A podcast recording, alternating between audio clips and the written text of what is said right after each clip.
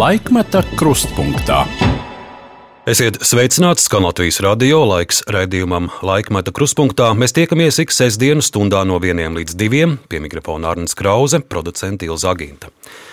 Šodien uz sarunu esmu aicinājis cilvēku, kurš šeit, radio mājā, ir pavadījis daudzas savas dzīves stundas, pat ne stundas, ja saskaitītu visus radioteātra ierakstus, raidlugu garumus, tad tie ir mēneši. Tas ir vismaz pusgads no cilvēka dzīves. Tik ilgs laiks aizvadīts pie mikrofona ierakstu studijā Doma laukumā. Un uh, savā pirmajā intervijā Latvijas radio 70. gadu sākumā jaunais, nepilnus 30 gadus vecais aktieris Uldis Dumpis saka, ka Dzīve ir viena mūžīga sākšana no gala. Šo teikumu no izrādes mežonīgais kapteinis Kihnujens es lieku par savas dzīves vadmotīvu. Dzīve ir viena mūžīga sākšana no gala. Vai tas ir Ulda Dumpja vadmotīvs arī šodien, kad pagājis jau pusgadsimts kopš šīs sarunas? To mēs tūlīt noskaidrosim. Man saruna šodien ar Ulu Dumpi. Uldes sveicināts! Labdien! Es zinu, ka Mēs varam uz to varbūt tās. Protams, protams. Jo, Šī ir mana saruna ar jums pirmo reizi, bet uh, es labi pazīstu jūsu kundzi Dainu Dumpi. Kopā esam strādājuši Latvijas televīzijā un arī pat tālruni sanāca mums dažreiz runāt. Un, un Uldes, klausoties jūsu intervijas, protams, uh, un dažādas raidījumus un stāstus, uh, jums ir izcils humors un daudz un dažādi atgadījumi padomā, un ja reiz mēs esam Latvijas radio Es gribētu dzirdēt vienu stāstu par jūsu pirmo reizi tieši šajā ēterā pie mikrofona. Jo cik es esmu lasījis, jūs gandrīz šo savu pirmo uh, uzstāšanos nokavējāt, jo, jo no Dolas salas es saprotu, tur kuģītis nav atnācis laiks, vai kā tur bija? Tieši tā. tā es esmu dzīvējā raidījumā piedalījies divas reizes. Bija tais laikos, eh, man liekas, ka tas bija divos bija ziņas vai trijos, nu es varu kļūdīties. Tās bija Maskavas ziņas un pēc 5 minūtes bija nu, literārais raidījums, kurā kāds aktieris bija lasīja. Un manē, nu, dzīvējā lasīja kādu, kādu stāstu, vai kas nu tur reizi bija. Nu, man tā pirmā reize tā sakrita, ka man bija jāizved mana meitiņa uz Dolu salu pie, pie, pie sievas vectēva, nu, un tad un atpakaļ ar kuģīti no Annuškas sakal uz sienu tirgu, un viss ir izreikināts, un visu laiku diezgan, un, bet tas kuģis izkrīt un neatnāk, un man jābrauc nākamo. Nu, bet vēl tik traki nav, es tā nervozēdams sēžu uz tā kuģa, silta, karsta vasaras diena, Un es tagad izkāpu ārā pie tirgus, un cauri tai vecrīgai vienā skriešanā es atskrienu uz rādio. Mans tekstiņš jau ir iedots jau diktoram, tas jau gatavoju, jo skaidrs, ka es nebūšu, jo bija jau tāds, nu, tāds nerakstīts likums, ka vismaz pusstundu iepriekš jau kā tur bija jābūt. Nu. Un nebija jau nekāda mobilē telefona. Nē, nekas. nu nekas, absolūti. Nu, un tad es, es atskrēju, bet es paspēju un tad es apsēdos pie mikrofona, bet tad, kad es sāku lasīt, tad sākās tā reakcija, tad man sāka tecēt sviedri, un tad man tecēja acīs, un tad es ne, nevarēju tikt galā, un es nevarēju saredzēt, ko es tur lasu. Nu, īsāk sakot, tas bija viens murgs. Un, un tā, tā es šai kar, karjeras šķautnē pavilku strīpu apakšā. Nu, vēl vienreiz kaut kas bija, kaut kas dzīvēs, bet vairāk ne, es neielaidos. Bet tāpat laikā bija kolēģi, es zinu, kas ļoti labprāt nāca. Imants Adermans, Ģirds Jakoļos, Īns Burāns. Bez problēmām viņi nāca lasīt tos dzīvos. Man, man, man kaut kā nebija lemts. Bet jūs esat viens no ražīgākajiem radioteātra aktieriem. Eh, ir saskaitīts vairāk nekā 700 eh, dažādu epizodu lomu piedalīšanos raidlugās. Jā, nu, tas jau, protams, bija ieraksts. Bija. Toreiz jau tas notika arī mazliet savādāk. Tad bija tādi mēģinājumi pāris, pāris dienas, un, Un, un tā, nu, viens komisks gadījums man ir jāpiemina to, ar tiem radio ierakstiem. Man ļoti patika Heilija romāns Lidosta. Viņš jau latviešu nebija tūkots, ka mēs visi inostrānī literatūrā lasījām to Heiliju. Un, un, un šausmīgi man tas gabals patika. Un tagad ir pagājuši daudz gadi jau, un es laukos, sēž un šķiroja tikko novāktos kartupeļus. Un, kā vienmēr, tas rādio man blakus skan. Un pēkšņi es dzirdu, piesaka programmu, ka tūlīt pēc pusstundas būs radio ieraksts Heilija lidos. Ei, es domāju, tas nu gan ir interesanti. Tas man baigi interesē, tu, kā tas izklausās iekšā radio, latviešu. Un tā brīdī, kad viņš sākās, tad atskan un lomās Vernons Dimeres, Ulris Dumpis. Es domāju, ak, kungs, Dievs, es to nevienam nevaru stāstīt. Es pats esmu aizmirsis to, ka mēs taču ar Oļģētu Šalkonu kā režisoru toreiz to ierakstījām. Nu, tā kā atmiņa arī ir tāda lieta, uz kuru nevienmēr var, var paļauties. Jums vairāk uh, patīk, nu nepatīk, bet uh, kādas tās sajūtas, ka jūs dzirdat sevi radio vai, vai redzat uh, kinolomās vai izrāžu ierakstos? Tās sajūtas nekad nav sevišķi patīkams. Tā, tā, tā, nu, tas jau tāds To man liekas, daudz aktieru var apliecināt. Sevi skatīties vai klausīties ir diezgan grūti, jo te neko tur vairs nevar labot, un, un tev nevienmēr tas patīk, ko tu tur dari. Un, Nu, tā kā tā, es tā pārmērīgi necenšos. Es tagad, gan, kopš es esmu kļuvis vairāk no televīzijas skatītāja savas redzes dēļ, kļuvis par radioklausītāju, šādi tad vakaros paklausos desmitos un piecās, kad ir tie vecie ieraksti. Ne jau tikai tāpēc, ka, ka man ne ar kaut kādu tur ir, bet nu, vispār interesanti kādreiz paklausīties veco aktieru ierakstītās lūgas un tā. Jums bērnībā Bauskas pusē dzīvojot, eh, esot radio mm, daudz skanējis, vai arī tagad radio ir tas jūsu galvenais informācijas avots, arī uzzinot par eh, notikumiem Latvijā un pasaulē? Noteikti, ka jā. Jā, es tā tagad esmu tā pieredzējis pie tā, ka es to rādio staipu kā kaķiem bērnu līdzi visur. Jums pat tās kaut... četri tie aparāti, es kaut kur lasīju. jā, var, ne, nu jā, nu ja pieskait Rīgas, Rīgā vēl kādi divi, jā, nu droši vien, jā, nu tā ir, un tagad jau vēl telefonu arī var klausīties, bet man, ar manu šito brīnumu, ar to laukos viņš man neko neuzķer tur. Rīgā, jā, tad tā viņš ķer. Kas ir tas, ko klausoties radio, kas ir uh, tie notikumi, kas jūs uh, gan satrauc, gan arī varbūt. Uh, kuras ir tās norises, kuras jums liek ar cerību skatīties uz, uz Latvijas nākotni? Varbūt ar to satraucošo sāksim. Ar to rādio un vispār ar to, kas notiek, ir tā augšā lejā. Augšā lejā. Man ir daudz, kas man ļoti, ļoti um, patīk un nomierina, kad es redzu, ka iet uz priekšu un tās intervijas ar, ar, ar, ar, ar foršiem cilvēkiem, kas, kas ir sevišķi tādi jauni, kas ir daudz ko nu, nu, pozitīvu dara, kas, kas, kas tā, tas, tas, tas, tas man, man, man tas vienmēr ir tā kā tāda mazliet tāda šprice dzīvē, ne kaut kāda vitamīna šprice. Vispār jau kontakti ar, ar tādiem foršiem cilvēkiem vienmēr ir kaut kāda vitamīna deva. Tā kā tādā ziņā tas, tas man nu, nu, satrauc. Un satrauc jau nu, kā, kā katru cilvēku to, kas tajā pasaulē notiek. Un, un, un, un, un, bet pie visa klāt, es, es varētu teikt tā, es vienmēr esmu bijis. E, nu, droši vien, ka es vienmēr esmu bijis optimists, bet ar tādiem pēdējā laikā ar tādiem pesimista iekritieniem dažiem. Kad es tā šat dzirdu, vai ne, ko cilvēks spriež un kā cilvēki vērtē. Un visvairāk man, man kaitina tas tāds manas paudzes cilvēki, kuriem ir tik īsa atmiņa, un kurš vairs neatcerās, kurš vairs neatcerās, ka vis, viņam liekas tā, tā jaunība, tie padomju gadi, tik skaisti, tik brīnišķīgi un, visu, un cik tagad viss ir slikti. Es jūtu, ka jūs diezgan daudz to brīvo mikrofonu klausaties. Nu, brīvo mikrofonu, tā, ar brīvo mikrofonu ir tā.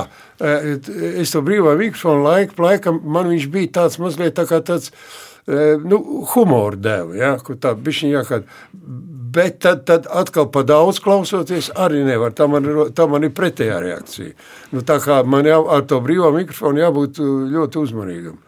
Tur jau, var, nu, nu, tur, jau, tur jau tas ir, ka, ka tur jau tas nāk visvairāk ārā, tur jau, jo tie zvanītāji ir manas paudzes cilvēki, ne, kas, kas tur zvana. Nu, jā, nu, tur kādreiz ir.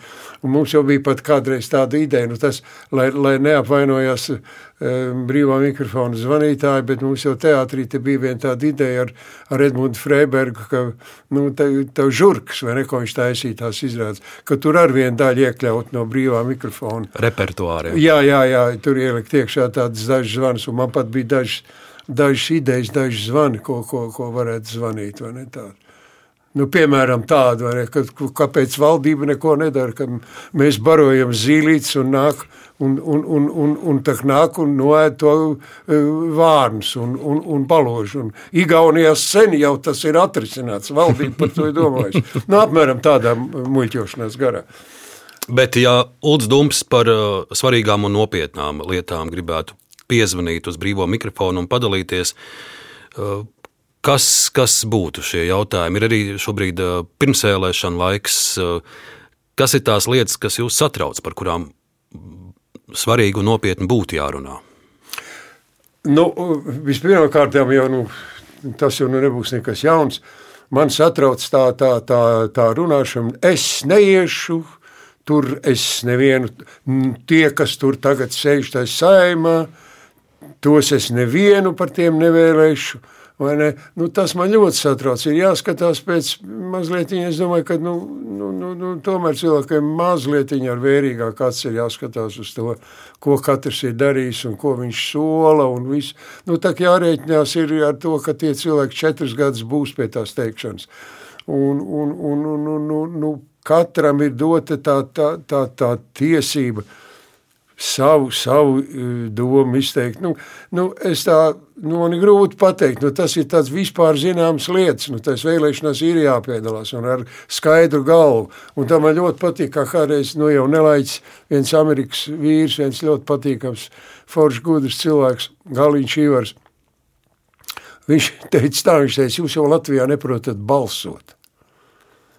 Viņš saka, nevajag balsot par, priekš tam tie reitingi ir, lai apmēram jaustu, uz ko tas velk.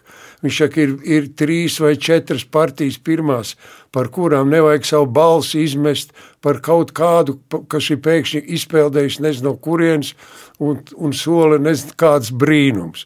Viņš teica, reāli tu, tu ar to pazaudē to visu ir jāvēl, jāvēl par, par, par tām. Un, un viņš saka, un tas ir gārš process, jo arī Amerika un Anglija to ir izgājusi cauri, kamēr palikusi pie tām divām partijām. Un agri vai vēl jau Latvija pie tā nonāks, tikai nu, to jau mūsu paudzes to nepieredzēs. Tur ja tas jau tiešām, kad, kad, kad, kad paliek divas, trīs partijas un nevis šīs 19. Ne? Nu, nu, tā kā, nu, Neminēsim partiju vārdā, bet Jā. vai Uldim Dumpim jau ir skaidrs, kam viņš savu balsu dos 1. oktobrī? Jā, jā, jā. Man, ir, man ir skaidrs. Un kādi ir tie kriteriji, kas lika izvēlēties? Man kriterijs ir viens no pašiem pirmajām saimnes vēlēšanām, kopš mēs varējām vēlēt. Es, saku, es izvēlos pēc sava ieskata, lai tie būtu gudri cilvēki. Vai viņa kļūdīsies, vai viņa nekļūdīsies, tā jau ir cita lieta. Visādi var gadīties un var kļūdīties, bet pēc iespējas gudrus cilvēkus. Politikā iet eh, dažādi cilvēki. Esam pieredzējuši, ka arī eh, tavi kolēģi, aktieri, mm -hmm. arī eh, šajā sēmā, kur tūlīt beigs darbu, bija divi tavi kolēģi. Ko tu par to saki? Man bija ļoti tāda, nu, tagad es to varu pateikt. Nu, nu, nu ir, nu, šis, šis, šis, šis sasaukums ir beidzies un nāks citi. Es varu pateikt, man bija ar mani kolēģi, kas man ir ļoti labs un, un tuvs draugs arī ar Pugu. Man bija viena īsa saruna, jo daudz cilvēku no viņa novērsās tad, kad viņš pieslējās pie kaimiņa, un, un Ivars to pārdzīvoja, un man bija īsa saruna, es teicu, es no tevis es neatsakos no mūsu draudzības, bet tavu politisko izvēli es neatbalstu. Un visu šo četru gadu laikā man arī ir bijis daudz tikšanās, un patīkams, un visāds, bet par politiku mēs neesam runājuši nevārdu. Tas bija mans princips. Aktieriem ir jāiet politikā. Nav jau mums to, to, to, to speciālo politiķu, tāpēc ir tai politikā acīm redzot. Tur nav cita varianta, ir jāiet dažādu dažādu nozaru pārstāvjiem. Nav jau tā izvēle tik liela. Tas jau ir apmēram tāpat, kā, kā Latvija, kad iegūst savu neatkarību. Kā man viens muitnieks teica, viņš teica, nu nāciet tagad, nu nāciet. Nāciet, stāviet uz tās robežas, nevis tikai kritizējiet. Bet neviens jau nenāca. Viņš teica, mums jau tā pirmā publika bija tāda, kas, kas, kas mētājās no vienas vietas uz otru. Kurš tad nu skolotājs pamet savu darbu, vai, vai viens aktieris pamet savu darbu, vai ko? Es zinu vienu piemēru, tas bija kino režisors Vars Krūmiņš. Kurš, kurš dienēja Viļakā robežsargos. Viņš bija laikam pat vai priekšnieks tur. Nu, tā ir. Jā, nu, jāiet, ir, ir nu, jāiet, ja cilvēks jūt, ka viņš tur kaut ko var izdarīt. Un, un ja viņam ir priekš smadzenes, priekš tā gatavs, nu kāpēc ne? Un, ja runājam par deputātiem un, un kandidātu sarakstiem, es piedāvāju arī šobrīd, lai skan pirmais mūsu arhīva ieraksts. Es, Esmu palūkojis, būs aptuveni desmit eh, dažādas epizodes. Es domāju, Ulu, arī daži ieraksti būs interesanti. Tev arī pats pats pirmais, kas ir ierakstīts šeit Latvijas radio, bet, bet ja reiz par politiku, lai skan 1990. Eh, gada ieraksts, fragments no Nacionālā teātra izrādes ar būdu uz baznīcu, autors Pauls Putniņš, režisors Edmunds Freibergs. Un eh, šeit būs tā epizode, kur tiek veidoti mm, padomes eh, deputātu kandidātu saraksti. Uldis Dumpis ir kolhoza priekšsādātājs Broņislavs Timrāns. Ja. Visu izdarīsim, visu nokārtosim, tikai laiku dodiet. Tā, nu, ko vēl, kas vēl varētu būt? A? Zakis, Zaķis. Svaršķiks, Zakis Kārlis. O tas ir zelts. Darīs, ko liks pretī, nerunās pierakstā arotbiedrība. No mehānizatoriem ko varētu?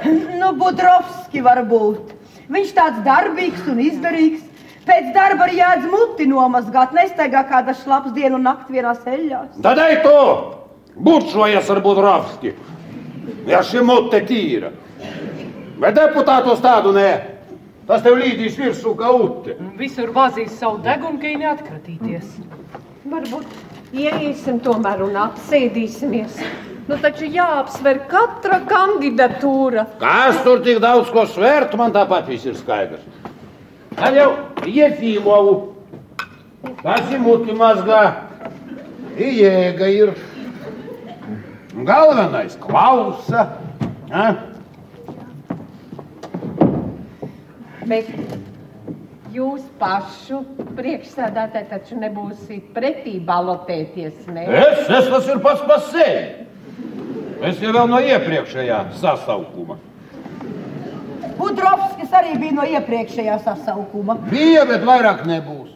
Nu, bet tomēr pamatojumu diezgan tā aktīvi viņš darbojās. Kā kādu tur vēl pamatojumu nedara un cauri. Kas tur uz mūžiem kādam vieta ir angažēta? Ai, jūs pati mūsu ciema izpildu komitejas priekšsēdētāja. Arī no iepriekšējā sasaukuma. Eh? Gudrīte Robinsone. Eh? Arī kārtīgs cilvēks, nelienku nevajag.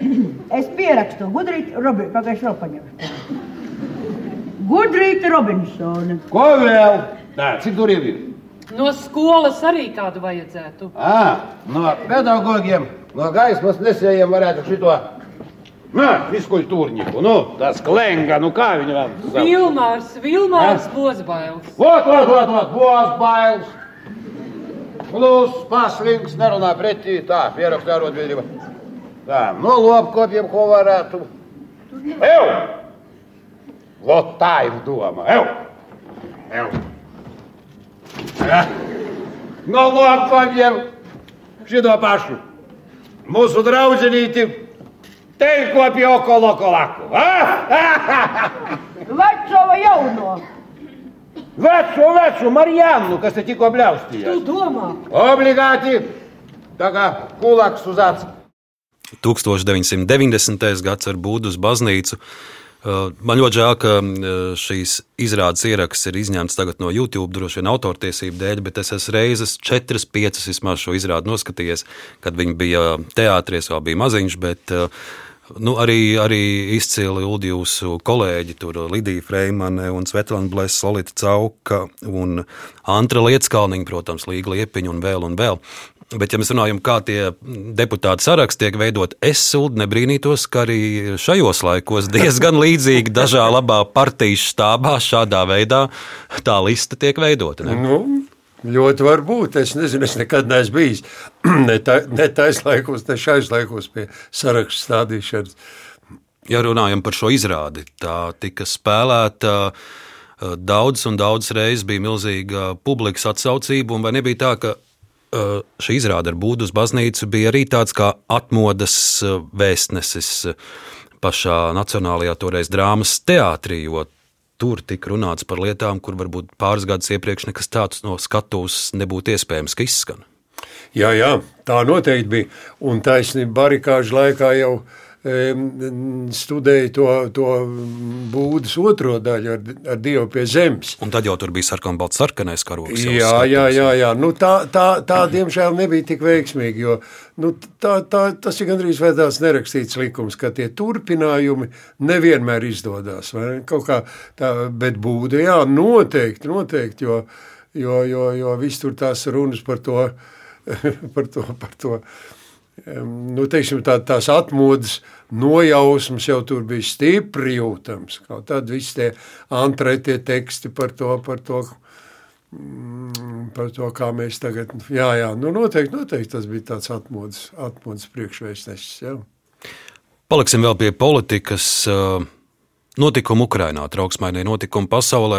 Tu mini, ka varbūt acu gaisma vairs nav tik, tik laba, kā bija agrākos gados, bet, bet noteikti ir apjausma un, un, un, un ja neredzēt, tad dzirdēt un apjaust, kas šobrīd notiek par ārprātu Ukrainā, to jūs saklausat. Nu, tas, ka tas ir ārprāts, tas ir ļoti precīzi, jo tas ir tiešām ārprāts. Man jau tā pirmā reakcija bija tāda, es neticēju līdz pēdējiem brīdim. Es domāju, ka tā ir tāda Maskavas ieroču žvadzināšana, un, un vai tad nu tiešām. Uh, Un starp divām, divām būtībā brāļu tautām. Nu, tas tā, tas tā prātam īsti nav aptverams. Tas viss tā, tā domāšana, kas, kas tam Kremlim ir tajā galvā, ko viņi cenšas ar to panākt. Un taču daudzi jau, jau tad, kad tas draudēja, es ļoti cītīgi tajā laikā skatījos to karantājumu. Tad tur Tur jau viņi tika aicinājuši visādus tādus gudrus politologus un tos pašus krievu politologus, protams, kas ir ārzemēs. Es aizmirsu to vārdu, bet viens tāds, kas ir Anglijā, viens profesors, viņš jau toreiz teica, ka Krievija jau sevi ar to iznīcinās. Viņi var, var pat varbūt vinnēt to, to, to, to kāru. Toreiz jau tas bija tik tādās nojausmās, bet viņi jau sevi ar to nīcina laukā visu. Un Man jau tā tīri personīgi bija diezgan, diezgan pretīga sajūta, kad es pēkšņi iedomājos, es ar, ar, ar, ar, ar savām darba lietām, ar kino esmu tur bijis. Nu, tāpat tādā Černīgovā un, un Odesā un Kievā. Nu, tas uzreiz tā kaut kā baig, baigs it pa smadzenēm. Nu, tas ir ārprāts. Es domāju, ka tas Tur, tur nav, nav jēgas meklēt citu vārdu un citu nosaukumu tam, kas tur notiek. Tas ir Ir kāda nojauta, ar, ar ko tas viss var beigties un kā beigsies? Es domāju, ka viņš beigsies tāpat ar daudzu asiņu zaudējumu, bet, bet es domāju, ka Krievija tomēr kā, kā, kā mazliet kā, kā sakauts un nopērts suns, tomēr būs spiesta vākt savus atliekas ārā no tās Ukrainas. Man ir tāda pārliecība, jo tad Tur nav cita varianta. Nu, skaidrs, ka beigās jau sēdēs pie galda, jo, jo neviens karš jau nav beidzies bez, bez diplomātiskām sarunām. Tikai kādā stāvoklī tas valstis būs. Tas ir tas, ir tas briesmīgākais. Droši vien nebūtu šis Putina karš ar vienu pārdaugavā, būtu okupācijas piemineklis un šie padomu laiku slavinošie pieminekļi. Vai, vai tas bija pareizs uh, saimnes lēmums viņus aizvākt? Es domāju, ka pareizi. Man ļoti patīk, ka vienā intervijā, ko Vils Daudziņš teica, viņš teica, ka šie pieminiekļi ir palikuši tā kā tiem kalnā kāpējiem, tie tā, tā siena, kur viņi kāpja un trenējās kāpšanā, ka viņi jau laika pa laikam vajag kādu atbalsta punktu tādu priekš tiem mītiņotājiem. Jo tad, kad to pieminekli uztaisīja, Neviens jau viņu neņēma pa pilnu toreiz, vai tad toreiz bija kaut kādi baigies satraukumi.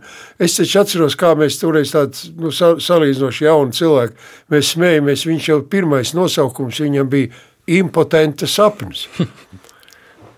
Un, un ne tur notika kādi mītīņi, nekas nosākumi, bet tad, kad Krievijā tika atjaunot šīs 9. maijas kā pasaules lielākais notikums un svētki, tad jau tikai viss tas tur sākās. Tas piemineklis jau nav vainīgs. Vainīga jau ir tā gaisotne, kas ap viņu notiek. Tas jau nokaitināja cilvēkus, kas, kas, kas pieprasīja to, to pieminekļu aizvākšanu.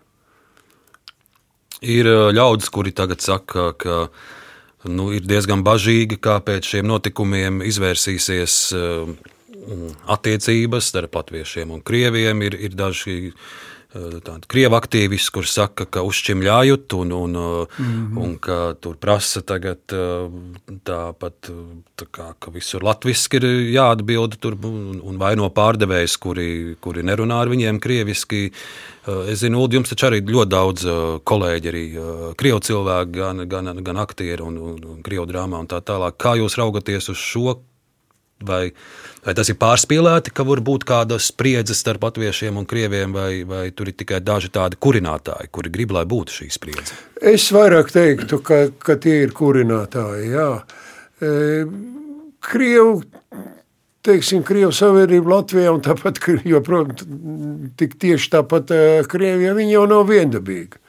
Tur jau ir tāpat ļoti dažādi cilvēki. Nu, skaidrs, ka vairāk, vairākums ir viegli ietekmējams un tā, un, Man pēdējā laikā, redz, kopš es to teātru vairs tā cieši saistīts neesmu, man, man tā, tā, tā tiem arī tiem krievu kolēģiem mazāk ir tikšanās. Es tiešām nezinu, kādas tur tās noskaņas pie viņiem valda, bet es domāju, ka tas ir tāds šā brīža tādas, nu, tāds uzbangojums, kas agri vai vēlu, es domāju, ka viņš atkal nomierināsies, atradīsim atkal pa ko citu, atkal par ko šūmēties un, un plēsties. Un tā, tā jau tas notiek. Es, es nedomāju, ka šis pieminekļa jautājums nu, būs tagad uz, uz ilgiem gadiem. Nu, vai to es arī sakoju, kā tavi kolēģi, krievi aktieri ir pozicionējušies šajā Ukrainas kara jautājumā? Mēs redzam uh, Līja Hadžakova, kura uh, Vēl pirms kara bija ļoti kritiska par to, ko dara Putins. Mēs redzam Nikitu Mihalkovu, kurš, mm -hmm. kurš gandrīz vai galvenais šobrīd uh, Putina slavinātājs. Jā, jā. Vai tu domāji, kā, kā šie cilvēki pozicionējas un kāpēc? Nu, man ir grūti spriest par tiem, par tiem lieliem Maskavas gariem, kas, kas tur tāds Mihalkovs un ko, ko grūti spriest. Nu, bet viņš jau sen jau bijis tāds, nu, kā krievis, kas nezinu, Latvijas kā to sauc, nu, tas ģeržavņiks, vai ne, kas, kuram vajag to lielo vareno Krieviju. E, impēriju, impēriju. Jā, jā, jā, impēriju un tā, vai ne. Man, man grūti spriest, es tiešām par to pat tik, tik cieši nekāda tāda sakari nav un viss, cik nu es, cik nu es izlasu kaut kur vai kaut ko izdzirdu, bet, nu, mūsu pašu krievdrams aktieri, piemēram, es zinu, ka nu, Jaša, um, Rafalsons vai ne, Jaša ir ļoti, ļoti, ļoti skarbi izteicies par to, kas notiek Ukrainā. No, protams, no, no, no, no tādām cilvēcīgām pozīcijām.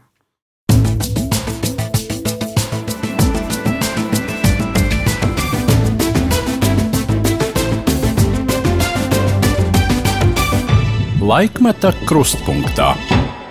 Lūdzu, sarunu turpināsim par uh, teātri, par aktieru gaitām. Tu nu pat jau minēji, ka šobrīd tas uh, kontakts ar teātri vairs nav tik ciešs. Pirms pāris gadiem intervijā žurnālam Klubs Uldis Dumpis saka, ka Es ļoti labi zinu, ka man kaut kad tā svītra būs jāpavelk visam apakšā, un es no tā tiešām nebaidos. Būšu pavēlnieks pār savu laiku, varēšu septembrī braukt ceļojumā, ilgāk dzīvot savos laukos. Es Ulu pirms mūsu sarunas iegāju Nacionālā teātra mājaslapā. Pie ārštata aktieru saraksta ir arī Ulda Dumpja bilde, bet tur ir tāda poga, kur var uzspiest tuvākās izrādes, un tur ir nulle tur nav nekā. vai tas nozīmē, ka šo svītru Ulrichs Dumps ir pavilcis teātrī. Jā, jā, jā, jā, tā ir. Tā ir. Nu, es biju pavasarī, pavasarī uz dažām izrādēm skrodienas silmačos. Nu, tas jau ir vairāk tā kā tāds. Mm, nu, tāds, tāds, tāds goda pienākums atnākt ne, uz to tur tāpat ne jau lomas spēlēt, bet piedalīties tur un atnākt tā. Bet tā ir, ka daudziem aktieriem tas tā kā tāds aplis. Viņi kā jauni ir sākuši Jā. skrodardienās un arī tad noslēdz tās teātris. Jā, tā, tā tie, tiešām tā tas ir. Es jau arī, būdams eh, toreiz vēl teātris fakultātes students, eh, es jau arī nācu, nācu tautā uz, uz silmačiem. ne, Un, un, un, un, jā, jā, tas, tas tā, tā, tā iznāk kā tāds no, noslēdzošs aplis. Jā. Eh, Nu, jā, nu tā tas ir. Nu, reiz, tam, reiz tam bija jāpavelk. Un, e, ja jau man nebūtu bijušas problēmas ar tām acīm, tad jau varbūt es būtu nu, vēl, vēl, vēl kaut kā. Bet, bet nu, nu, ko tu darīsi? Nu, dzīve ir dzīve un veselība ir veselība. Nu, kā, augstāk tu nevari uzlikt par sevi, cik tev ir atļauts. Es zinu, ir arī jūsu kolēģi, ir citi mākslinieki, kuriem tas ir ļoti grūti, tas ir ļoti sāpīgi aiziet prom no skatuves un, un, un redzēt, ka tev vairs nav lomu vai nav koncertu.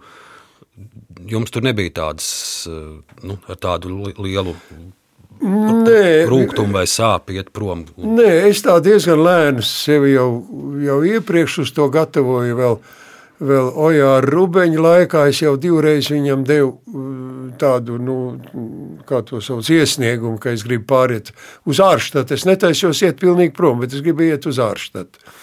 Bet, nu, Ojārs man nelaida. Tur viss, un, un, nu, tad, kad, nu, kad es jūtu, ka tā īsti lāga vairs nav, un tad jau es uh, labu brīdi jau vārštatnieks būdams, es jau vēl spēlēju vecās izrādes, bet, nu, jaunajās, nu, nu, nu, nu, nu tomēr nē. Bet es arī saprotu, ka mēs eh, leģendārajā ugunsgrēks seriālā arī Uldumu redzēsim. Tagad. Jā, bet nu, nedaudz tur viņiem vienkārši nu, tā satura satur dēļ. Viņiem vajadzēja, lai tas Petersons tur parādās. Un, un tā viņi man tur tā pierunāja. Visu. Bet tas jau bija bezgalīgi komiski, kā mēs tur to no malas, to jau vajadzēja nofilmēt no malas, kā mums tur. Tur pārvietoja, kad es lāgu neredzu, tad man pie rokas pārved no vienas filmēšanas vietas uz otru, pa tām trepēm, svešā vietā, kur es lāgu. Tad, nu, nu, nu, ka- ka- katrā, katrā traģismā jau ir arī savu lielu daļu komiks. viss tur ir. Jā, jā. Nu, mazliet jau es tur esmu. Tanī, jā, es nezinu, cik daudz tur ir palicis no tā, ko tur nofilmē, bet nu, kaut kas ir. Bet redz, ar to, ar to aiziešanu no tā teātra, jā, man nesen viens cilvēks jautāja, nu, kā tu jūties, vai, vai tev nepietrūkst? Nu, es varu godīgi pateikt, ka patreiz man nepietrūkst. Es tā neizjūtu to, ka man būtu kaut kāds baisais trūkums, ka man tas teātris nav. Es jau tāpat tās visu laiku uzturu kaut kādus kontaktus ar kolēģiem. Viss tā, nu, nu labi, nu man nav mēģinājumu, man nav izrādes, bet nu, man tas briesmīgi pietrūkst. Es jau nezinu, es jau nezinu, kā būs pēc gada. Var jau būt, ka es tagad milzīgi te varonīgi izsakos, bet pēc gada es varbūt klusu šņukstēšu spilvenā. Kas to zina?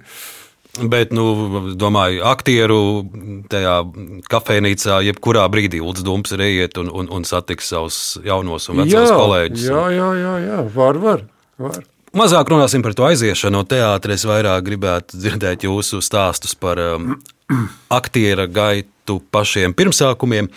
Un um, paraudzījos um, Nacionālās bibliotekas um, um, digitālajā arhīvā, periodikā. Un, um, pats pirmais raksts, kur ir pieminēts Ulda Dumpja vārds, ir laikrakstā Bauskas darbs 1958.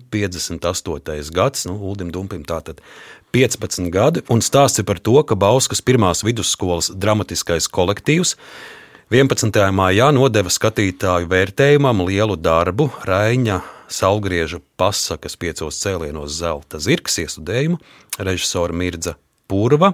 Apmēram četru mēnešu ilga darba rezultātā radīja visumā saliedētu izrādi, kuru vērtējot nav jāaizmirst, ka vairums izpildītāji ir 8. un 9. klases skolnieki, no kuriem nevar prasīt to, ko no pieaugušajiem tēlotājiem. Un tad šajā rakstā ir arī uzskaitītas lomas. Tātad vecāko brāļu Bierna un Lipsta lomās Uldis Dumpis un Andris Feldmanis.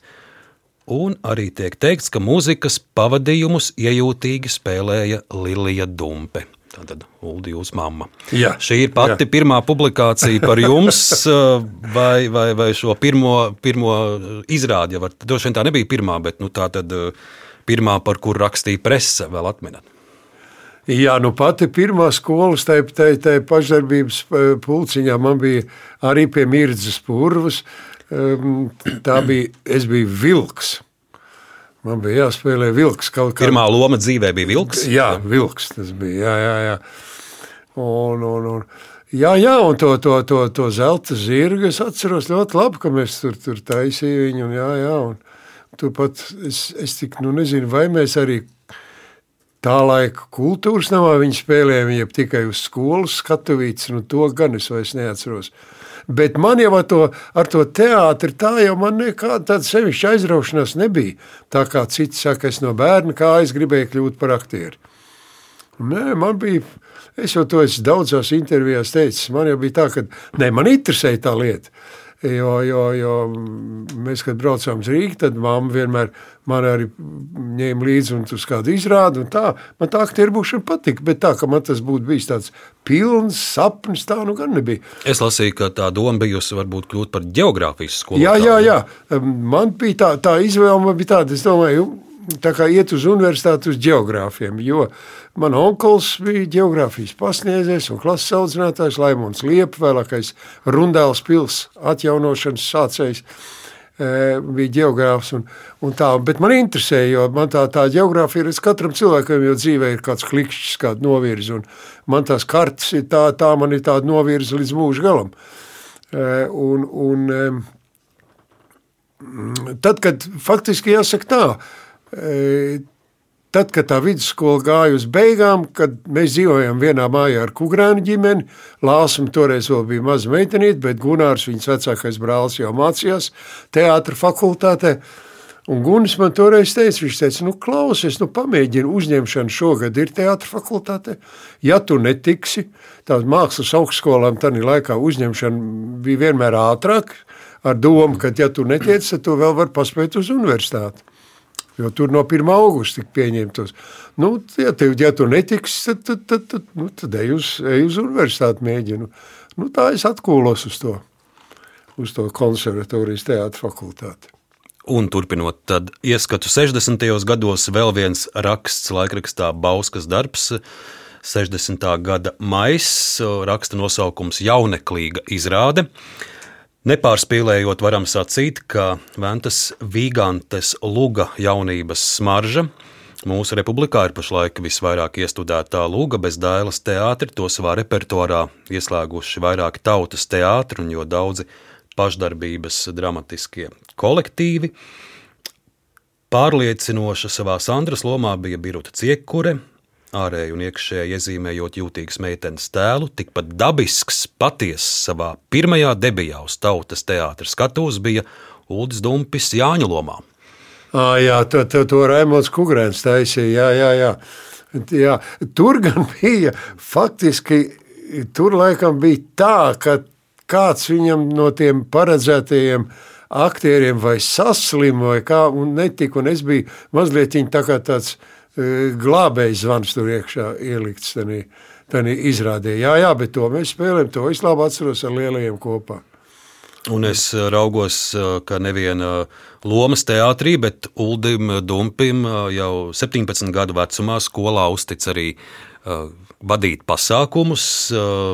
Te ir arī raksts no 60. gada pirmā ceļa zīme dzīvei. Februāra pirmā sestdiena Bauskas pirmajā vidusskolā vienmēr ir bijusi svētku diena, kad 11. klašu audzēkņi saņem vidusskolas beigšanas žetonus. Svinīgā daļa beigusies, desmito klašu audzēkņi Āra Cīrule un Uldis Dumpis to vakar bija programmas vadītāji. To gan es neatceros. tas ir interesanti. Tas ir Ar Cīrulu man klases biedriem. 60. gada februāris tas ir. Jā, to gan es esmu izlaidis no atmiņas. Vai atceraties, tad varbūt šādu faktu, tas jau būs no 64. gada laikraksts Padomu jaunatne un raksta nosaukums Vai atnāksit? Aina Gaile, Vanda Izārte, Sandra Volšteina, Uldis Dumpis, Edgars Girgensons, Juris Skaminskis, Jānis Lenevičs, Viktors Pavlovskis, Rihards Rudāks. Šie deviņi vārdi un uzvārdi mums pagaidām vēstīja diezgan maz, taču aicinām šovakar iepazīties ar to īpašniekiem, Jāzep Vitola valsts konservatorijas teātra fakultātes studentiem, un tālāk ir stāsts, ka mākslas darbinieku namā būs uh, dažādi topošo aktieru lasījumi. Un uh, šī sarīkojuma līdzautors ir arī Republikas nopelniem bagātais skatuves mākslinieks Alfreds Jaunušāns, aktieru kursa vadītājs. Tādu es ar tā īsti neatceros. Šo fragment es pieminēju, jo šeit ir arī tas uh, uzskaitījums ar tiem jūsu laika biedriem, studentiem, ar, ko jūs, ar kuriem jūs Jā, kopā bet studējāt. tas ir noticis vēl, jo man jau uzņēma papildu uzņemšanā.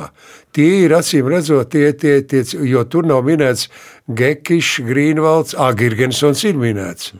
À. Nu, tad laika, ah, nekurā gadā, kurā tu saki? 64. tas ir. Ah, nē, 64. gan, jā, skaidrs, jā, jā, jā. jā. Ah, bet es to pasākumu gan es tā īsti neatceros. Tāda var jau būt gan. Mākslas darbinieku nama vaļņēnā droši vien. Jā, jā.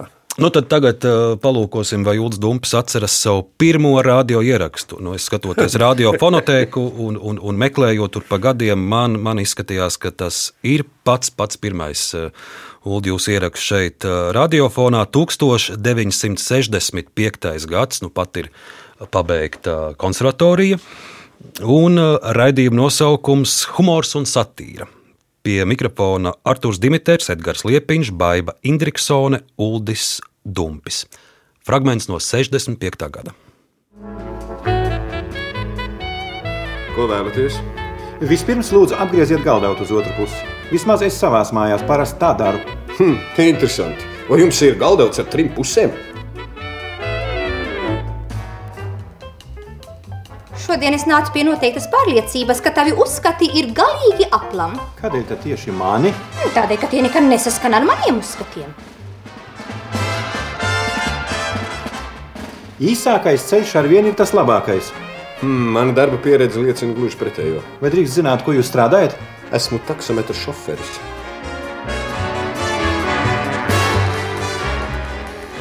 Sakiet, kapteini, vai kuģis ir drošs pret avārijām? Pilnīgi droši. Bet kādēļ tad uz kuģa ir glābšanas laivas? Un redzēt, ja nu kādreiz atgadītos kaut kas ārkārtējs, nu tad Ā, saprotu, saprotu. Bet vai tās laivas ir drošas? absolūti drošas. Absolūti. Hm, jocīgi. Kāpēc tad mēs jau no paša sākuma nebraucam laivās?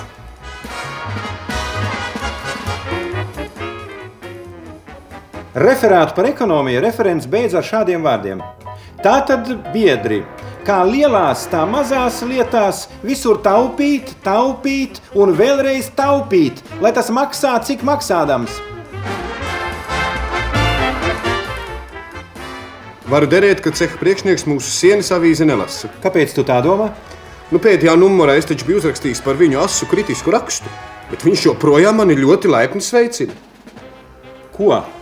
Jau atkal tu runā par jaunu kleitu, jaunu rokas somu, jaunām kurpēm. Vai tad par kaut ko augstāku tu nedomā? Kā nemīļais domāju, gan man darētu arī jauna cepure. Jaunā sekretāra panāca savu priekšnieku gaitenī. Piedodiet, man liekas, jūs aicināt pie tāļruņa. Ko tas nozīmē? Liekas, īsi un skaidri. Vai man sauc vai nesauc? Es tiešām nezinu. Tiklīdz nocēlu klausuli, tāds skanēja balss. Vai tu tas esi vecais slaist?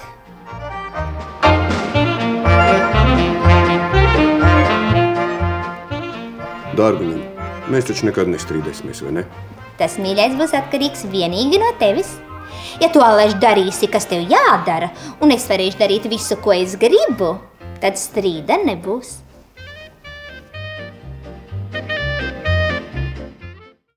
Nu, lūk, 65. gads, humors un satīra Latvijas rādio ēterā. Un šeit Ulim Dumpim 23 gadi, un, un ar lielu iespēju saka, ka šis ir pats pats pirmais ieraksts. Ļoti varbūt, jā, bet es, es, ne, es neatceros. Arī visu šo kompāniju, kur blakus ir Baiba Indriksona, Edgars Liepiņš, Artūrs Dimiters, nav vairs atmiņā palicis. Nē, nē, nē. Nu, te jau tie aktieri mēs esam tik daudz reižu te krustojušies. Tepat blakus istabā, jā, jā. Uldi nākamais fragments būs no 1972. gada Latvijas radio raidījuma. Es sāku saprast Ulda Dumpja Dairade. Uldim Dumpim vēl nav 30 gadu, bet jau top eh, pamatīgs raidījums eh, par eh, aktieru Uldi Dumpi. Tā autors ir Gunārs Strēmanis, tekstu lasa radiodiktora Lauma amatniece, fragments no 72. gada. Andreja Upīša valsts akadēmiskā drāmas teātra jaunās paudzes aktieru vidū aizvien noteiktāk savu talantu un individualitāti apliecina Uldis Dumpis. Viņa aktieriskajai personībā piemīt patiesa un asprātīga dzīves uztvere, intelekts, asa laikmeta izjūta. Mākslinieks uzskata, ka šodien, iestudējot klasikas darbus, tie jāskata caur mūsdienu dzīves prizmu jo tāli un seni notikumi mūs galvenokārt interesē no vēsturisku faktu viedokļa, bet varoņu dzīves gājumā jāiedziļinās ar šodienas cilvēku acīm un jāmeklē viņu dvēseles vibrācijās tie momenti, kuri saviņo un aizrauj mūsdienu skatītāju. Un lai kāda laikmeta vai žanra lugās Uldis Dumpis spēlētu, viņš saglabā šo atziņu. Aktiera tēlotie varoņi nekad neizplūst saldanībā, tie negaida žēlošanu – Uldis Dumpis ir par īstu vīrišķību, skaudru patiesību, skaidrām jūtām un atklātu sirdi. Katra cilvēka būtība ir daudzveidīga un neuzreiz saprotama. Uldī Dumpī mīt arī savs smieklu lādiņš, malām pāri plūstoša jautrība un nebēdība, ievilkti asprātības dzeloņi. Saņemot vajadzīgo triecienu, tie uzzirksteļo. Atsauksim atmiņā aktieru tēloto veco jūras dullo Anti, Juhanas Mūla mežonīgajā kapteinī Kihnujenā. Ulda Dumpja Anti ir karstgalvis, ātri iekaist lielās dusmās, metas ikvienā kautiņā, kad tiek aizskats draugs. Viņš jebkuram pavicinās dunci gar degunu, ja jutīsies aizvainots. Ulda Dumpja Anti devīze ir: kad kauties, tad kauties, kad braukt, tad braukt O, un ja kāds iedrošinās paglūnēt uz viņas skuķi, tad jāsit. Tad jāsit. Lūk, tā Gunārs Streimans 72. gadā jā, jā. raksturo jauno aktieru Dumpi. Jā. Šeit ir pieminēts eh, fragments eh, no izrādes mežonīgais kapteinis Kihnu Jens. Uld, varbūt jums būtu interesanti paklausīties uh, kādu mazu, mazu fragment no šī jūsu darba. Ja? Labi. Tad darām to. 72. gads. Fragments no izrādes mežonīgais kapteinis Kīknu Jens, antilomā Uldis Dumpis. Un tad mēs abi tur, pohjāls tumšajos silos, uzcelsim guļkoku būdu. Es sākšu tecināt darbu, līdīsim līdumu, dažreiz satiksies Lācis un Antī Pūko citreiz briedis un antibisse, citreiz foreli un antimakšķirāķis. Bet aiz sīs mums kaltēsies īsta somu maize, tūkstoši klaipu. Ah, un vēl viens klaips, jo redz, kad viens somas apreces, tad viņš sievai atdodēs. Kirlā, cik tik viņai gribas. Bet tu man sēdēsi pie pavārda un uguns pajās tavus baltos, siltos pupus. Anti! Nu, dienas vairāk nevaru. Tur ir daudz malkas. Bet mūsu brašie dēli tupēs uz grīdas un ņurdēdami grauzīs lāča gūžu kaulu. Tas būs hīvā. Labi, ļoti labi. Un Matilda, man ir mīksts sirds. Man jau tagad acis paliek mitrs, kad es par visu šito lietu padomāju. Nu, runā par mīlestību. Nu, bet par ko tad es te galu galā runāju? Šis ir izrādes fragments no radio ieraksta, bet arī uh, daudz izrādes tika nospēlētas uz drāmas Nacionālā teātras skatuves. Jā, ļoti daudz. Arī brīvdabā mēs viņu spēlējām. Tā bija daudz. Nu, tur taču Sebrim tā taču bija tāda ne, nu, klasiska loma. Tas jau bija tā kā priekš viņa rakstīts. E, Johans Smuls e, atbrauc skatīties to izrādu. Viņš jau toreiz bija atzinis, ka e, Igaunijā bija divi jeni vai nekas, un, bet viņš teica, sebris pārsīt abus, abus igauņus. Par lomām runājot, neskaitāmās mm. intervijās, vai tas būtu radio, televīzijā vai žurnālos, presē, nu, gan arī nav tāda intervija, kur Ulim Dumpim nevaicātu, pēc kuras lomas jūs, aktierkungs, esat guvis vislielāko gandarījumu? Tādi jautājumi ir skanējuši bieži, bet šķiet 72. gadā iespējams šo jautājumu mums uzdeva pirmo reizi intervijā. Un paklausīsimies, kā Uldis Dumpis uz jautājumu, kura loma devusi vislielāko gandarījumu, atbild 72. gadā fragments. Pēc kuras lomas vai izrādes jūs esat guvis vislielāko gandarījumu un prieku par padarīto? Uz šo jautājumu varbūt varētu atbildēt tā. Es izstāstīšu vienu epizodi, kas notika vairākus gadus atpakaļ. Mēs ar viesizrādi bijām Madlienā. Ar izrādi pirms tiesas sprieduma. Kad beidzās izrāde, publika aplaudē, un pēkšņi mēs uz skatuves stāvēdam pamanījām, ka zālē otrā vai trešā rindā sēž viens vīrietis, jauns vīrietis, un raud. Mēs tā ļoti apmūsām, pārējā zāle tā ļoti priecīga un labi mūs uzņēma. Pēkšņi viens cilvēks sēž un raud. Mēs to lūgu jau bijām ilgi spēlējuši, mums jau likās, ka viņa savu aktualitāti ir zaudējusi. Un pēkšņi tāds gadījums, tā tad tā izrāda kaut kur šo cilvēku ļoti bija aizskārusi. Tad var teikt, ka tas ir gandarījums ne jau par to, ka tas cilvēks raud, bet tas, ka mēs esam vai palīdzējuši, vai varbūt pat mēs esam viņam sāpes ar to darījuši. Bet izrāda ir līdz kādai sirdī aizgājusi, un par to ir ļoti liels prieks. Kas jūs satrauc, teiksim, sajūsmina teātrī, dzīvē un arī cilvēkos? Visvairāk man satrauc skaudība un nenovīdība cilvēkos. Man liekas, ka tās ir ļoti sliktas īpašības, kas katrā ziņā mākslas cilvēkiem neko labu nedod, tikai traucē. Nu, kas man sajūsmina? Man sajūsmina ļoti daudz, kas daudz dažādas parādības. Visvairāk man sajūsmina, teiksim, tādi cilvēki, kuriem ir tāda kaut kāda liela aizraušanās, kas spēj visu sevi atdot kaut kādam noteiktam mērķim vienam. Varbūt tas būtu turisms vai, vai tā būtu marku kolekcionēšana, vienalga. Bet man, man vienmēr ir sajūsminājuši tādi cilvēki, kas spēj tā atdoties ar visu savu enerģiju kaut kam vienam noteiktam un tā neklaidēs jau laukā. Man pašam šīs īpašības trūkst, un tāpēc es vienmēr esmu par tādiem cilvēkiem priecājies.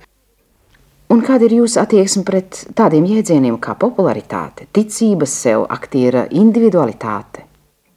Popularitātes jau mēdz būt dažādas, gan lēta popularitāte un, un, un ar sviedriem izcīnīta popularitāte. Es domāju, ka tādai parādībai kā popularitāte ir divas puses. Ir savu pozitīvu pusi un, ir, protams, arī savu negatīvo pusi. Viņi bieži var cilvēku dezorientēt tā kaut kā.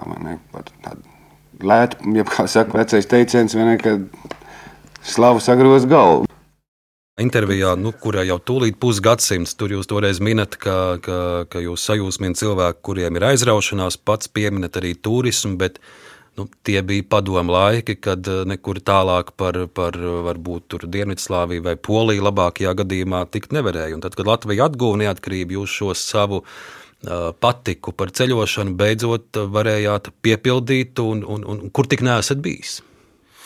Jā, nu tas gan man, man tā ceļošana no, no, no mm, nu, neteiksim bērndienām, bet no pusauģa gadiem. Es vienmēr sev atceros, ka es biju tā kā apslims, ka vajadzēja palikt gultā, tad man bija tā, tā, tā mīļākā nodarbi bija pētīt kartes. Un tad bija tā, ka man bija divi tādi punkti, kur es, es, to, es arī apzinājos toreiz to, ka tas ir nepiepildāms sapnis un tāda aizvainojuma sajūta. Kāpēc es to nevarētu, nu, kāpēc es nevarētu to izdarīt? Tas viens punkts, ka man bija Botnijas līča gals, tepat augšā, vai ne, Somija ar Zviedriju, kur sajiet kopā. Un es vairs, kā šodien atceros, es gulēju tie gultā un domāju, nu, tas taču ir tik tuvu. Nu, kāpēc es nevarētu, ja man būtu mašīna, un es nevarētu izbraukt šitā cauri un aizbraukt uz to vietu. Un otra, kur es pat tā uz dullo rēķināju kilometrus, otra man bija e, Eiropas rietumu tālākais punkts Rokaraks, vai ne, Portugālijā. Un, nu, tur es saprotu, ka tā mašīna jau nu, bet nu, kāpēc, un man bija tāda pārstības sajūta, nu, kāpēc man tas ir liekts, nu, kāpēc es to nevaru, tā, tas mazais bumbulis, tā, tā zemeslode, kāpēc ir liek, ka tu nevar to, ne? un tagad, nu, es, es ar prieku varu konstatēt, ka esmu bijis abos šais punktos, un tā, nu, tā ceļošana tiešām man ir, ne jau vienmēr tās ārzemes, Es saprotu no kundzes Dainas, ka nu pat jūs vairāk dienu garumā pa kurzem ceļojat. Jā, mēs, mēs eh, Dainai bija brālēns no Amerikas atbraucis, un, un, un, un tad mēs viņu eh, vadājām bišķiņu pa vidzem un divas dienas pa kurzem. Un man bija, nu, visur jau tur ir būts, bet atkal, kad pēc, pēc gadiem man bija tāds prieks, atkal, atkal kuldīgā palikt pa nakti. Un, un, Redzēt talsus, piemēram. Jā, jā, un talsos tagad mazmeit ar savu ģimeni dzīvo, vai ne, un atkal talsus apskatīt un tā. Viss jau redz. Jāsaka jau tā, ka mm, tas, tas aktieru darbs man jau tādā ziņā ir ļoti veicies, kad es esmu daudz kur pabijis tikai pateicoties tam, ka tā, ka tā profesija ir tāda? Ar filmām, ar filmēšanām, ar visu, un, un, un, un ar ne? Nu, kaut, kaut, vai, kaut vai Amerika un, un otrs gals ir Irkutska, vai ne? Un Baikala ezers, kur mēs ar, ar, ar izrādi bijām. Tā kā tā, tādā ziņā man ir ļoti paveicies. Pie aktieru darba vēl paliekot, mazs fragments, kā 70. gadu sākumā jaunu aktieru Uldi Dumpi novērtēja tavs skolotājs Alfreds Jaunušāns. Uldis Dumpes, tas ir viens arī no maniem audzekņiem. Kad es pirmo reizi vadīju kursu, kursu komplektēja gan man klātnēsot, iedevu tikai vadīt. Nu, bet es ar viņiem visiem esmu ļoti apmierināts. Un viens no tiem, ar kuriem es esmu visvairāk apmierināts, tas ir Uldis Dumpis. Jau no paša sākuma viņš varbūt atšķīrās nedaudz no pārējiem ar to, ka viņā bija, neraugoties uz jauniem gadiem, tāds diezgan liels tāds jau briedums. Tāds jau, ziniet, pieaugušs cilvēka briedums. Tāpat arī ienākot teātrī, kaut arī būdams gados jauns un arī pēc skatuves stāža jauns, vienmēr gribējās ar viņu tā ir runāt, ir apieties, ir ar lomas dalīt, e, kā jau ļoti nobriedušam aktierim. Un ja mēs tā pārlūkojam viņa pirmo sezonu darbu, tad mēs redzam, ka viņa nu, lomu tur klāstā ir ļoti daudzas lomas, kuras dod aktieriem ar lielu stāžu vai ar tādu nu, īsti lielu talanta dzirksti apveltītiem. Nu, man šķiet, Uldis nevar žēloties teiksim, arī par talantu, nevar žēloties par saviem dotumiem. Un ir vienmēr ļoti interesanti un patīkami strādāt ar tādu aktieru, kāds ir Uldis. Vispirms jau tāpēc, ka viņš nekad nedarīs neko kā automāts. Viss tas būs vienmēr viņa paša kaut kur, teiksim, režisora dotie priekšlikumi, vienmēr tiks pārbaudīti un caur sevi teiksim, izkristalizēti un pieņemti vai noraidīti, vai attaisnoti un tālāk virzīti. Un tāpēc man šķiet, arī skatītājs vienmēr eh, skatās viņu, vienmēr ar lielu patiku šo aktieri, un man šķiet pats galvenais tic viņam. Viņš nekad nestrādās kā automāts. Tā Alfreds Jaunušās, Jaunušāns 70. gados par Ulu Dumpi pie tā ir izdevies arī pieturēties visus šos, šos gadus teātrī, vai tur dažādi jau ir bijis? Droši? Nu, grūti jau teikt, vai vienmēr tas ir izdevies. Tā, tā es nezinu, es tā ne, neesmu nekad to tā analizējis. Nu, nu skaidrs, bet es esmu centies vismaz tā. Nu. Jaunšāns jau redz to saka tādā nozīmē, es jau, es jau saprotu, kā, kā, kā viņš to ir teicis toreiz, jo viņa, viņa skola jau bija tā priekšā rādīšana. Jā. Viņš, viņš ļoti daudz rādīja priekšā, un, un, un, un, un, un es biju viens no tiem, kurus viņš tā pārāk nemocīja. Kur viņš, piemēram, vistipiskākais piemērs jau bija Kairiša Astrīda. Viņš viņai rādīja priekšā, bet nekad neprasīja, lai viņa tā dara. Astrīda arī nekad nedarīja. Un tad likās, ka viņa tā kā nesaprot. Un kad beigās tā kā jau, jau nāca uz gatavu, tad pēkšņi atklājās, ka viņa visi sapratusi un visi viņa izdara, vai ne? Jā, jā nu, nu, nu tā, es tā, tā speciālisti to neesmu nekad analizējis. Loma ir bijis daudz teātrī, un, protams, arī kino filmu uzskaitījums saraksts ļoti, ļoti garš, bet par limuzīnu un citām filmām tur ir stāstīts un, un grāmatas sarakstīts. Tās varbūt mēs šodien nepieminēsim. Es izvēlējos, kuras vēlētos dzirdēt, Ulu, jūsu, jūsu atmiņas un jūsu stāstu divas lomas. Vienā jūs esat uh, blakus Ļeņinam, un otra loma būs, kur jūs esat nacistiskās Vācijas uh, karavīrs. Es, es sākšu ar to Ļeņina stāstu. Tas ir um, 1969. gads. Fragments no radio uzveduma par Ļeņinu. Viņš bija ar mums, aktieris Jānis Kubils Ļeņina lomā. Uldis Dumpis, Džona Rīda lomā. Uzveduma režisors Boris Praudiņš. Un šis ieraksts 69. gada ir arī dokumentēts kino žurnālā Māksla. Tādēļ, Uldi, varēsim arī redzēt, kā jūs tepat blakus studijā 69. gadā sēdējāt blakus Ļeņinam, Jānim Kubelim. Fragments. Piedodiet, Vaģivič, kur es paliku?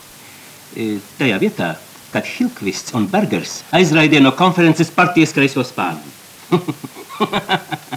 Tas ir lieliski! Socialistiskā konference polisveņa apsardzībā. Amerikāņu strādnieku šķiras intereses prasa, lai mūsu kreisais spārns izstātos no socialistiskās partijas un tiktu radīta komunistiskā partija. Un mēs to radījām. Un guvām kolosālu. Lūdzu, atcerieties šo ierakstu. Nē, kolosāli. Es atceros, tādu, kur Kubils spēlēja. Viņš nav, nav grimēts nemaz kā ģēņģis, bet viņš to 6. jūliju. Krievijas revolūcijas uzvara ārkārtīgi nostiprinājuši mūsu pozīcijas. Ārkārtīgi. Ārkārtīgi, bet. Bet.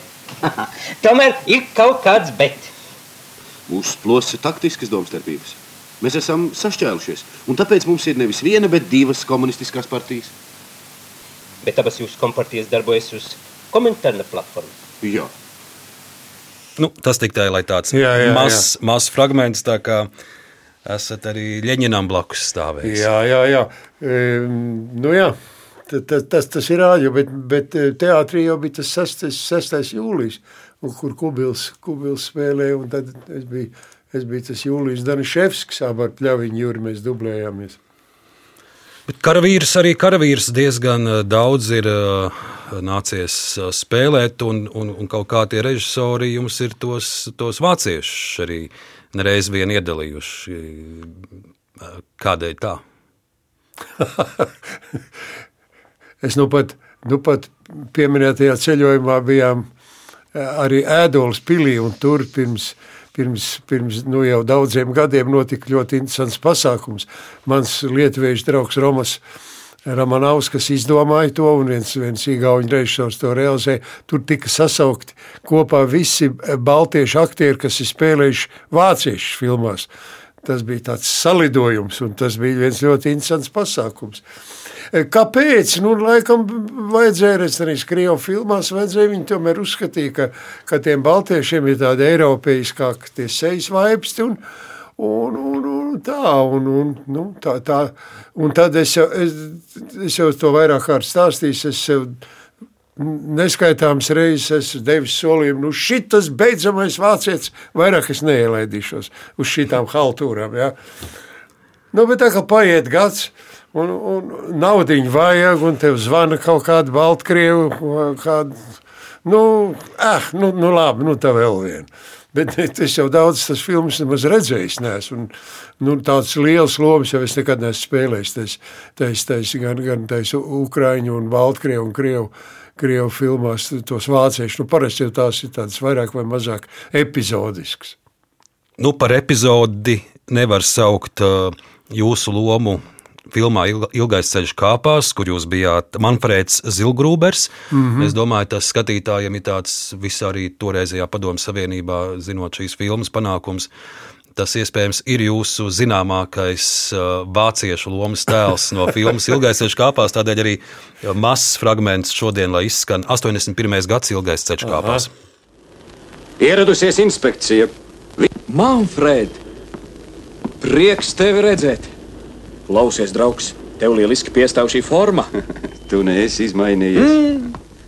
Atkal esi kopā ar skaistām sievietēm. Atļaujiet iepazīties. Manfreds Zingrūbers. Es par jums daudz zinu. Pateicos. Jūs mācījāties kopā ar Rīgārdu? Kur jūs šo filmējāt? Tā ir.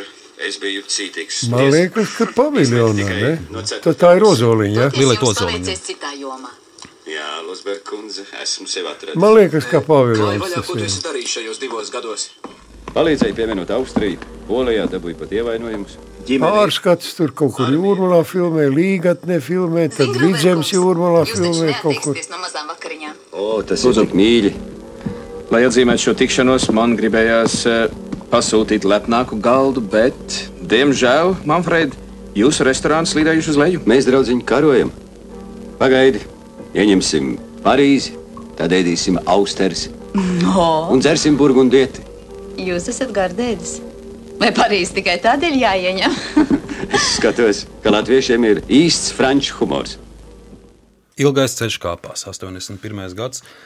Uldi, es šo fragment varbūt izvēlējos arī tādēļ, ka mani interesētu, kā bija uh, spēlēt šīs kara lomas, uh, vāciešus vai, vai, vai padomju, kādus tur militāros cilvēkus, zinot jūsu paša personisko stāstu, ka šis karš faktiski atņēma jums tēvu, savu tēvu.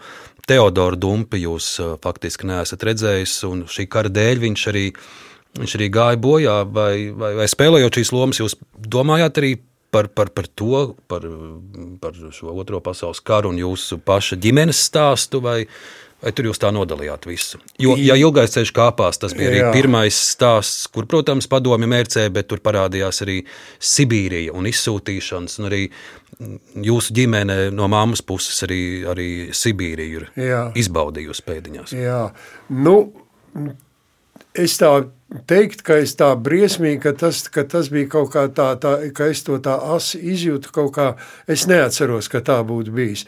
Redz, loma paliek loma un darbs paliek darbs, tas ir tomēr kaut kas cits. Skaidrs, ka kaut kur, kaut kādā apziņas stūrītī tas bija. Tas bija noteikti, ka tas bija kaut kur tā. Un, un, un, es zinu, ka man bija ar, ar tādu saraušanās, man sanāca ar vienu, ar vienu e, Maskavas Mos, Mosfilmu ar režisoru. E, viņš gribēja tā, t, t, kaut ko, tur bija, nu jā, es tā nesakarīgi tagad stāstu, tur, nu, nu, sanāca tāds, viņš prasīja tādu lielāku zvērīgumu, jā, no manis it kā, es it kā nošauju vienu no tiem saviem e, līdzcilvēkiem tur, kas bija Jozas Kiseļs, lietuviešu aktieris, un tur dēļ tā šaušanas mums iznāca. Varbūt, ka tas bija mans kaut kāds iekšējs protests, kad nu, nekrāsot visu ar tādu briesmīgu, bet, bet ka tas tā ļoti būtu bijis kaut kas dominējošs manī, tad, tad tā gan nē. Loma paliek loma, tev jāspēlē, un, un, un tas ir tomēr kaut kā savādāk. Uldi, eh, jums līdz šim intervijās arī ir eh, vaicāts par jūsu tēvu, bet eh, savulaik maz ko jūs varējāt pastāstīt, jo tad, kad jūs bijāt zīdainis, viņš māju pameta. Tālākajos gados jau krietni vairāk jūs par viņu esat uzzinājis, bet gatavojoties mūsu sarunai, es paskatījos arī periodiku. Un, piemēram, 58. gadā virknē ārzemju latviešu laikrakstu šeit ir Latvijas vārds arī Latvijas Londonā un uh, Latvijā Amerikā ir ievietots sludinājums, ka tuvinieki Latvijā meklē Teodoru Dumpi, dzimušu 22. gadā Bauskā. Tas, tas ir jūsu tēvs. Mhm, jā. Un tad es vēl palūkojos uh, datu bāzē, kur ir publicēta informācija par visiem karavīriem, kas ir dienējuši un krituši padomju armijā. Un vakar es tieši paskatījos, un tur es redzu, ka jūsu tēvs Teodors Dumpis ir iesaukts uh, sarkanajā armijā 14. martā 45. gadā. Un otra izziņa par jūsu tēvu ir, ka viņš ir miris jau pēc kara 20. oktobrī 45. gadā un ir apglabāts um, Austrumprūsijā, mūsdienu Kaļiņingrada, Insterburgas rajons, Insterburgā, Insterburgas kapsētā. Un te arī ir pierakstīts, ka informācija par to, ka Teodors Dumpis ir miris un ka tur ir apglabāts, ir aizsūtīta viņa sievai Lilijai Dumpei uz Latviju, Bauskas rajons, Īslītas pagasts, Dumpju mājas. Tas ir tas, ko es redzu, ka 45. gadā sarkanā armija sūta ziņu, kad, kad jūsu tēvs mm -hmm. ir kritis, bet vēl 58. gadā jūsu mamma, jūsu ģimene tēvu meklē. Tad, nu, kāds ir tas stāsts? Tas stāsts, nu, es mēģināšu tā īsi. Es piedzimu 43. gada 3. oktobrī, decembrī tēvu iesauca Vācu armijā, leģionā. Un tā kā viņš bija nodarbojies mazliet ar planierismu, tad viņš nonāca grobiņā, kur bija Latviešu leģiona aviācijas daļa, kur gatavoja lidotājus. Maijā viņš bija ticis atvainojis un atbraucis. Tā ir vienīgā reize, kad viņš man redzēja jau tā kā nu, tādu mēnešu vecu zīdainīti. E, un pēc tam pēkšņi vēstules vairs nenāk. Protams, tas ir nāk, nāk fronte virsū, krievi nāk atpakaļ Latvijā iekšā, vairs nekādas ziņas. Nu, tas viss ir no mammas stāstiem. Un pēkšņi sāk nākt vēstules jau pašās kara beigās, karš ir beidzies, sāk nākt vēstules no Krievu armijas, no sarkanās armijas. Un, tā, un pēc tam atnāk mammai paziņojums, ka viņš ir pazudis bez vēsts. Un tā arī visu laiku tas skaitījās, ka viņš ir pazudis bez vēsts. Es skaitījos kā, kā kritušs sarkanarmiešu bērns. Un tā tas turpinājās līdz 1967. gadam, kad mani teātrī pa telefonu sameklēja viens vīrs. Viņš pārprasa, vai es esmu Teodors dēls no Bauskas, un tā viņš teica, man jūs jāsasniedz. Es esmu jūsu tēva karabiedrs. Un viņš, šis vīrs, izstāsta, kā tas ir noticis. Viņi ir no Liepājas, tad, kad nāca fronte virsū, viņi pārcelt ar visu tā aviācijas daļu. Viņi jau netika kaujās piedalījušies. Viņi joprojām bija tā kā skolo, skolnieki, nu, māc, mācību iestādi. Viņi pārcelti uz Dancigu, uz tagadējo Gdaņsku. Un tur viņi bija noņemti no lidmašīnām, un atsūtīti atpakaļ uz e, Kenigsbergu, uz Kaļiņģeradu tagadējo. Un viņš teica, un tas jau bija pilnīgi skaidrs, ka mēs bijām lielgabala gaļa. Vācieši paši jau laidās. Viņš saka, ka mēs bijām pieci latviešu puiši ar, uz diviem zenītu lielgabaliem un nāk tanki virsū. Un ko mēs ar zenītu lielgabaliem varam izdarīt pret tankiem? Nu, īsāk sakot, viņš tas, tas tērauts uzvārdā viņš bija viņš ir bijis kontuzēts. Tagad viņi nosprieduši, ka ir jāmūk. Visi tie pieci latviešu puiši. Ka nāk virsū Krievu, Krievu armija nāk virsū, tūlīt kritīs tā Kenigsberga. Un tie trīs ir, ir teikuši, ka viņi riskēs un, un dosies uz rietumiem. Un, un mans tēvs ir teicis, es tev nepametīšu tādu kontuzētu. Viņš ir no sprādziena bijis kontuzēts, un viņam grūti, grūti pārvietoties. Un viņi, ap, viņi ir, ir, ir, ir e, pārģēbušies privātās drēbēs, tā kad ienākuši tā sarkana armija, uzdevušies, ka viņi ir Rīgas studenti, kas ir atsūtīti darbos, un tādā garā, un, un, un ar kaut kādām bēgļu kolonnām vesti atpakaļ uz Latviju. Un tā, tad e, e, divas tās filtrācijas nometnes bijušas, un tā trešā filtrācijas nometne bijusi Jonišķos, kas ir faktiski tepat jau pie Latvijas robežas, un tur mans tēvs kā, kā, kā toreiz pēc, pēc tiem uzskatiem ir, ir, ir Latvijas pilsonis, iesaukts sarkanā armijā. Tā, tā, tas jau pašas kara beigas, 14. Tur ir pāris mēneši līdz kara pāris beigām. Mēneši, jā, jā, jā. Un tas e, e, viņa tas draugs, tas ir ar to kontūziju, tas ir ticis no tās armijas vaļā. Un tā tas mans tēvs ir nonācis tur, tikai viņš to nevarēja mātē rakstīt. Viņa vienīgais, ko viņš bija rakstījis, ka viņam ir kaut kāds ievainojums, ka viņam ir viena, viena roka, ir kā kaut kas, un, un, un, un, un, un tā, tā, tā, tas paziņojums, mana mamma to nekad nav saņēmusi, ka viņš ir miris. Tas ir interesanti, jo Jā, mēs redzam no arhīva, ka viņš ir izsūtīts. Abas, man jau viņas abas ir, man jau tagad palīdzēja sameklēt, un man ir abas tās ziņas. Viņi izrādās no viena hospitāla, viņš ir pārcelts uz citu, un tas hospitāls ir paziņojis prapala bezvesti, pazudis bez, un, un, un tā, tā mamma aizgāja viņa saulē, neuzzināt to, ka, ka, ka, kas kāds ir tēva liktenis. Un, un to, to kur, kur meklē viņa tais ārzemī, tos kaut kā mamma toreiz ļoti kaut kādā, es nezinu kādā veidā, bet to, to darīja man krustmāte, kas dzīvoja mm. Amerikā. To, tā, to meklēšanu taisīja. Jo bet, nevarēja saprast, kur viņš pazudis. Pastāvēja viens variants, ka viņš aizsūtīts uz Japānas mm. frontu vai jebkas. Nu, lūk, un tad, kad man bija 70 gadi, tad padomājiet, kad man jau bija 70, Tad man piezīmēja viena pensionēta žurnāliste un teica, es lasīju interviju, ka jūs nezināt, kur jūs tēvs ir. Un es varu pateikt, viņš guļ Černiechovskā kapos. Un tad mēs lēnām garā taisījāmies, un mazdēlu ietekmēts. Beig, beigās es saņēmu un braucām meklēt, un tad man palīdzēja tāda grupa leģendas, kas ir Latvijā, ne, kas prot, un tie man sameklēju un atradu, kur viņš ir pārabedīts un kur viņš ir, un, un tad mēs aizbraucām tas, tas, tas, tas traukums ir tāds, ka es biju armijas laikā tur komandējumā, un es mammai atrakstīju vēstulīt, mammīt, es esmu tai pilsētā, kur no kurienes no teitiņa nāca pēdējās vēstules. Bet man jau, vai man nāca prātā iet meklēt mm, kapos, vai ne, tur ir viņa vārds. Ulu, lai jums ir vēl arī kāda atmiņa, piemiņa no jūsu uh, Tēva Teodora šeit, uh, valsts arhīvā, es atradu jūsu tēta izglītības dokumentus. Te Aha. ir gan viņa uh, paša roku rakstīts lūgums Latvijas Universitātes rektoram uzņemt viņu studentu rindās. Šeit ir arī uh, jūsu tēva dzimšanas apliecība, kur es redzu, ka viņa tēvs arī Teodors Jā. ir bijis 22. gadā, kara zaudējumu komisijas priekšsēdētājs. Un uh, te ir arī jūsu tēta atestāts uh, beidzot uh, Bauskas skolu, un, un atzīmes ir tikai teicami, teicami, teicami, teicami. Vien pāris labi ir krievu valodā un, un, un, un ķīmijā, bet, bet bijis gan arī pilnīgs teicamnieks. Nu, re, lūdzu, paldies. Lūdzu, no, un arī fotografija, vai jūs Jā. esat redzējis šādu savu tēvu fotografiju? Te arī ir, Jā. tas ir jūsu tēvs Jā, 21 Jā. gada vecumā.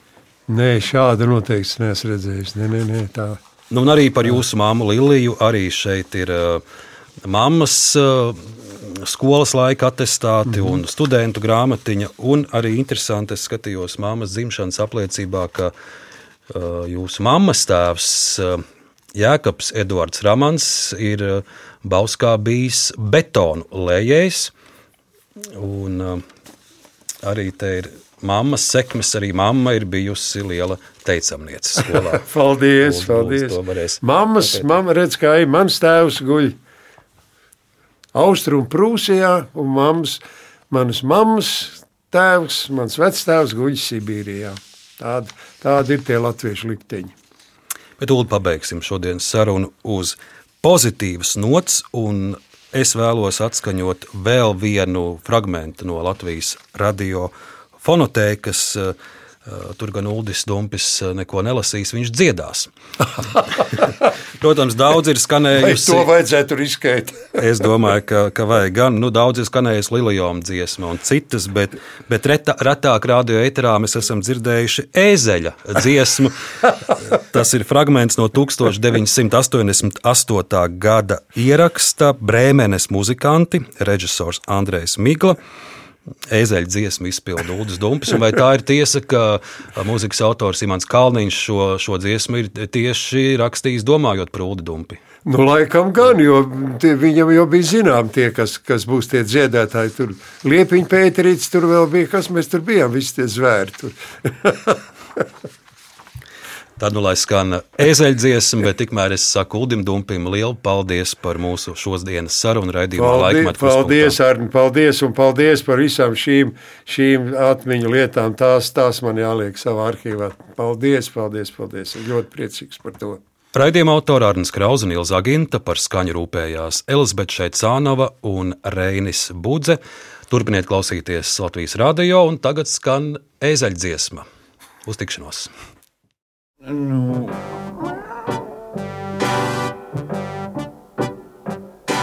Vai iet man, vai neiet? Es domāju ilgi, uz tirgu saimnieks grib braukt. Bet es vēl plūcu, sēt malēs ilgas, bet saimnieks aiz dusmām var kaukt vai iet man, vai neiet. Es domāju ilgi, man labāk tik domāt neiet. Tad smagos saiņus zem tilta es vēju un eju ēst pļāvās vilgas.